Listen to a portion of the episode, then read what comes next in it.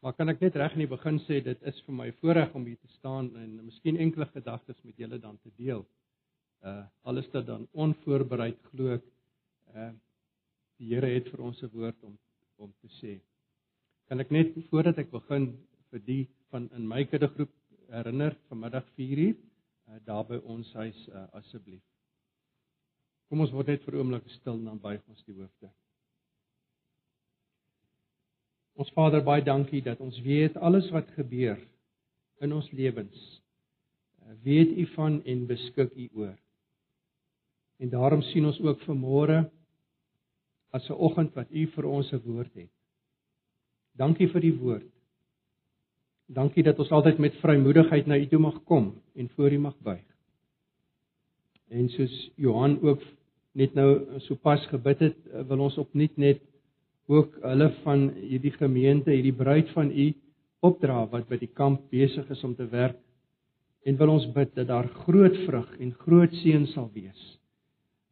Soos wat ons uit die gelykenisse leer, 30voudig eh, en 60voudig, maar ons gebed is 100voudig as dit U wil is. Mag dit so wees en mag ook hierdie kamp wat Antipas hou spreek van u liefde vir ons almal. En dankie dat ek nou mag vra dat u vir ons sal seën en dat u ook vir my krag en genade sal gee om 'n woord eh, tot u bruid te spreek. En dankie dat ek dit mag vra in Jesus se naam. Amen. Nou, uit die aard van die saak eh, was ek nou nie uh, voorberei vir môre om 'n boodskap te bring nie, maar ek wil tog enkele gedagtes met julle deel uh wat ons die afgelope tyd uh, in ons selgroep uh, hanteer het, naamlik die gelykenisse. Nou dit is interessant om te weet dat as 'n mens die gelykenisse tel, dan is dit uh, afhangende van hoe 'n mens gelykenisse sien, uh, miskien 4:35 en as jy sekere uitsprake van Jesus neem, dan kan dit miskien tot 100 wees. Maar ons aanvaar redelik dat daar ongeveer 4 of 35 gelykenisse is. En dit is belangrik eh, dat 'n mens uh, let op gelykenisse want dit is eintlik hoe Jesus geleer het. Hy het geleer deur gelykenisse. En die die die Hebreëse of die Griekse woord vir gelykenis onder andere beteken kan ook beteken raaisel. Nou wil 'n mens nie sê dat Jesus deur raaisels geleer het nie. Maar definitief is daar 'n element van uh, onsekerheid en van 'n uh, diepe nadenke betrokke by die gelykenisse. Andersins as die wonderwerke. As jy die gelyke die die evangelies lees dan sal jy uh, lees van al die wonderwerke wat Jesus gedoen het. Maar uh, dit word gesê dat die wonderwerke eintlik mense het die wonderwerke waargeneem en dan het hulle weggegaan en gesê, "Wel, ja, Maar dit het nie regtig tot hulle gespreek in die sin wat die gelykenisse tot hulle gespreek het nie. Want die gelykenisse eh, het het vereis dat 'n mens eh, bietjie moet nadink. Uh, wat wat is regtig die boodskap wat Jesus wou sê? Uh en daar is veral twee gelykenisse, die gelykenis van die saaier en die gelykenis van die onkruid uh, wat die disippels ten minste die uh, disippels en die wat naby was agterna gekom het en vir Jesus gevra het uh gee vir ons die betekenis van hierdie gelykenis. Wat wil jy regtig sê? En dan het Jesus die gelykenis uh vir hulle verklaar. Die twee gelykenisse dit was die gelykenis van die saaier en ook die die gelykenis van die onkruid. Maar ek wil nou nie vanmôre oor daai twee gelykenisse praat nie. Ek wil oor ek net enkele gedagtes met julle deel oor 'n ander gelykenis, maar die gelykenis wat ek met julle wil hanteer kom voor in Matteus 25, die gelykenis van die 10 meisies. Nou ons ken dit almal as die gelykenis van die 5 wyse en die 5 dwaase meisies. Maar inderwaarheid uh is die opskrif van die gelykenis, ek het hierso twee vertalings, die Afri nuwe Afrikaanse vertaling en ook die NLV, die nuwe lewende vertaling is die gelykenis van die 10 meisies. En hierdie gelykenis sluit vir my baie mooi aan uh, by die gelykenis van die van die onkruid.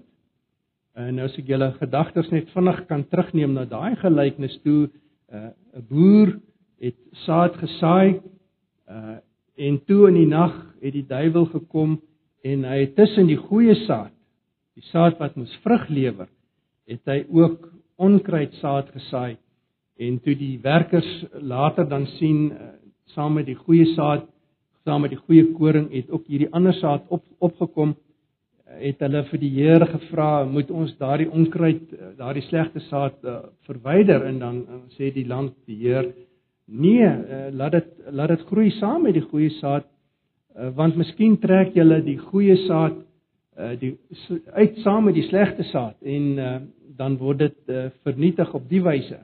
Nee, laat dit saamgroei en dan op die einde uh, ek dink dit sê sal die engele kom en hulle sal onderskeid maak en hulle sal die slegte saad dan neem wat dan wys uh, en dit sal verbrand word. Net die gelykenis wat ek uh, vir julle wil wil lees en voorhou is daai gelykenis van die 10 meisies en dit sluit nogal vir my baie mooi aan uh, by hierdie gelykenis van die onkruid. Maar kom ek lees net vir julle in uh, Matteus 25. Ek moet miskien sonder my bril lees, lees ek baie keer beter. Ek gaan uit die nuwe lewende vertaling lees. In daardie tyd sal dit met die koninkryk van God gaan soos met 10 meisies wat met hulle lampe die bruidegom gaan inwag. Ek sien hier is baie duidelik 10 meisies. Daar is nie onderskeid nie. Vyf van hulle was dwaas, maar die ander vyf was verstandig. Die vyf dwaase meisies het wel hulle lampe saamgeneem, maar geen ekstra olie nie. Die ander vyf daarenteen was verstandig genoeg om afgesien van hulle lampe ook nog ekstra olie in houers saam te vat. Toe die bruidegom lank wegbly het, almal vaak geword en aan die slaap geraak. Dit was alteen middernag toe 'n geroep hulle wakker maak.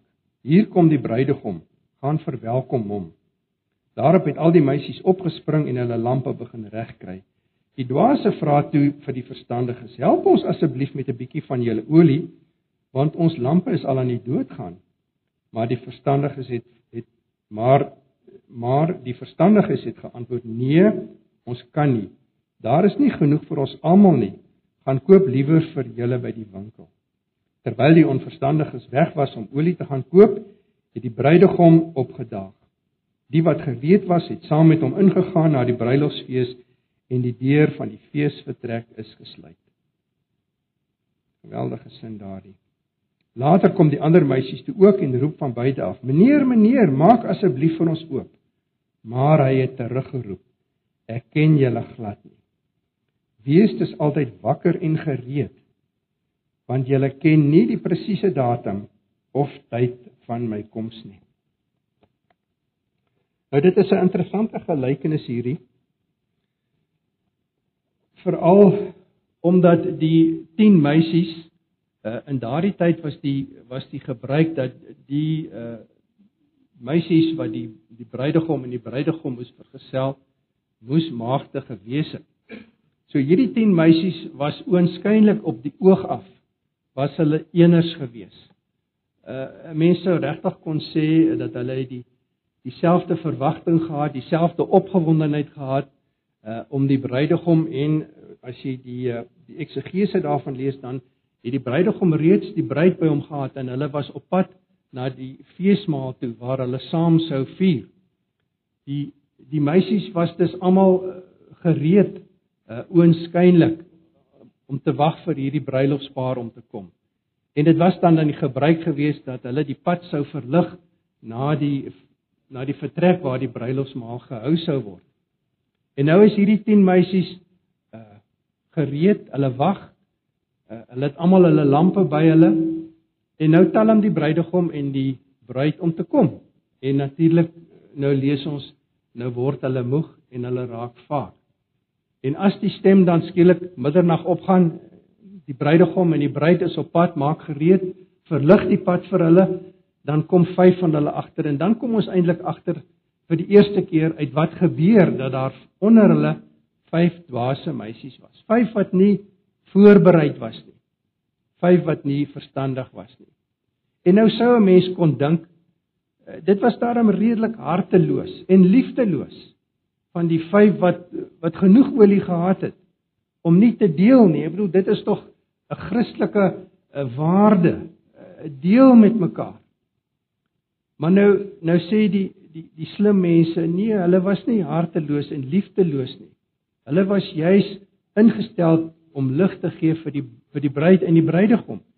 En as hulle nou van hulle olie sou gedeel het, dan was daar nie miskien genoeg lig op die pad nie. En daarom het hulle nie gedeel nie.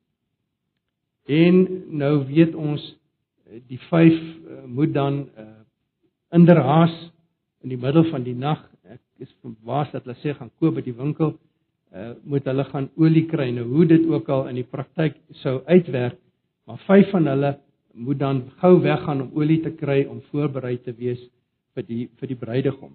Maar intussen het die bruidegom natuurlik gekom en die vyf wat by hom uh, was en gereed was kon saam ingaan in die vertrek. Nou vir my is die die geweldige van van hierdie gelykenis soos die gelykenis van die onkruid uh, in in die saailand dat onder ons sal ons nie regtig weet uh, wie se lampe is vol olie en wie se lamp is nie vol olie want ons lyk tog almal dieselfde. Ons sit saam in die banke Sondag hier ons sing ons aanbid. En ons ken nie regtig mekaar se harte nie. Ons ons weet nie regtig nie Elkeen weet maar vir homself of hy sy hart vir die Here gegee het of hy 'n lamp het wat vol olie is of of hy van die goeie saad is wat groei. Want Jesus leer baie duidelik en interessant die gelykenis van die saaier en die gelykenis van die van die onkruid is die enigste twee gelykenisse as ek reg onthou waar Jesus 'n verklaring voorgee. Maar baie duidelik sê Jesus dat dat ons lyk almal dieselfde en die onderskeid sal eers die dag kom met die wederkoms.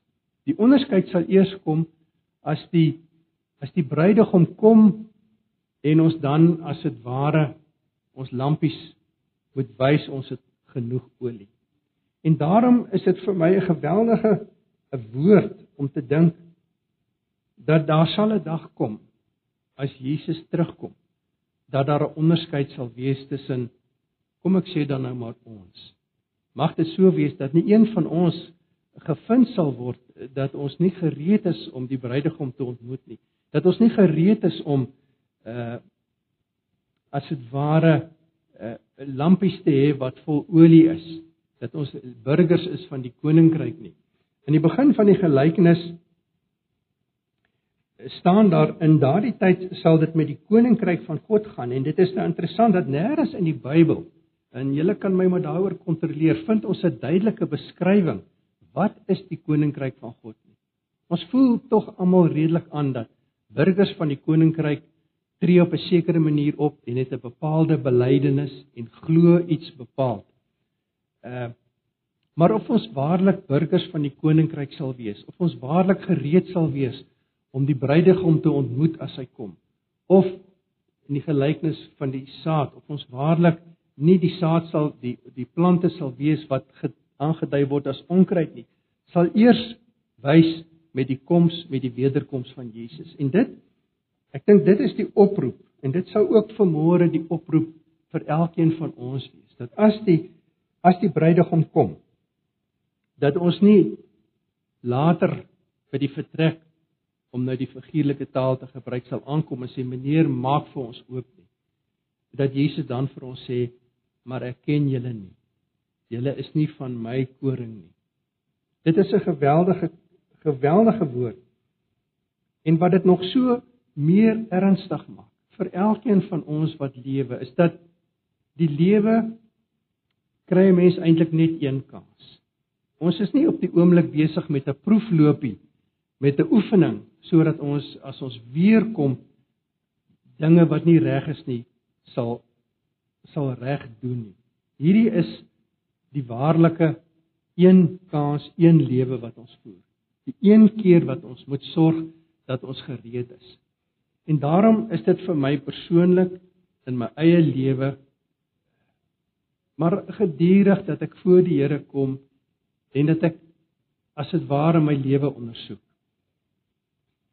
En dat ek wil seker maak dat ek sy kind is deur sy genade, deur dit wat Jesus gedoen het. Want ek kan my aan niks verskriklikers, niks meer verskriklik voorstel as dat ons daardie dag sal hoor maar ek ken julle nie, gaan weg van my. En natuurlik, hoe kan ons seker wees dat dit nie woorde sal wees wat elkeen van ons sal hoor nie? Alleenlik maar dat ons vlug in Jesus Christus in. Ek dink so aan die Engelse lied uh, wat ons sing My hope is built on nothing less than Jesus blood and righteousness. No merit of my own I claim, but wholly trust in Jesus name. Mag dit waar wees vir elkeen van ons wat vanmôre hier sit. Opnuut. Al het julle dit soveel keer julle harte, julle lewens vir die Here gegee. Dat ons sal buig en dat ons dit vir my, vir mekaar en vir onsself sal sê. Ons vertroue is alleen op Jesus. En dan weet ek as die bruidegom kom, as hy ons roep, eh, dan sal ons met vreugde gaan omdat ons sy kinders is. Ek gee vir julle hierdie deel, hierdie gelykenis, gaan lees dit gerus weer. Uh dit is regtig aangrypend as 'n mens dit oordink.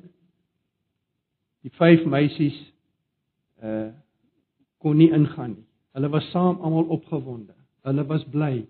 Hulle het gesels, hulle het gepraat uh, oor hierdie wonderlike fees waarheen hulle gaan. En toe die bruidegom talm en ons is in die tyd wat ons wag vir die wederkoms. Het hulle vaak geword. Mag ons nie vaak word nie. Mag ons gereed wees. Mag ons mekaar aanmoedig uh dat ons gereed sal wees as die bruidegom kom. En as hy dan kom, mag ons waarlik lampies vol olie hê. Ek gee vir julle 'n paar oomblikke net om dit te oordink en dan sal ek vir ons afsluit. Ons Hemelse Vader, dankie dat ons vanmôre net enkele gedagtes met mekaar kon deel. Dankie dat Jesus in gelykenisse geleer het. Gelykenisse wat ons dwing om te dink en na te dink en te bepeins en dan die waarheid wat ons ontdek vir onsself toe te eien. Dit is my gebed vir elkeen van ons, vir myself en elkeen van ons wat vanmôre hier is en elkeen van ons wat hier by Antipas aanbid dat dit nooit maar nooit sal wees dat as hy kom ons nie gereed sal wees om u te ontvang nie. Seën ons dan in die res van hierdie dag en wees met ons en as dit u wil is dat ons dan volgende week weer saam sal wees. En dankie dat ek met vrymoedigheid mag bid in die naam van Jesus ons Here. En dat ek mag vra dat u Heilige Gees woorde wat swak en krom is sal neem en dit waarlik diep in ons harte sal vestig en dat dit voor u aanneemlik sal wees. En u weet ek bid in die naam van Jesus, die een in wie ons glo. Ons voorspraak by u. Amen.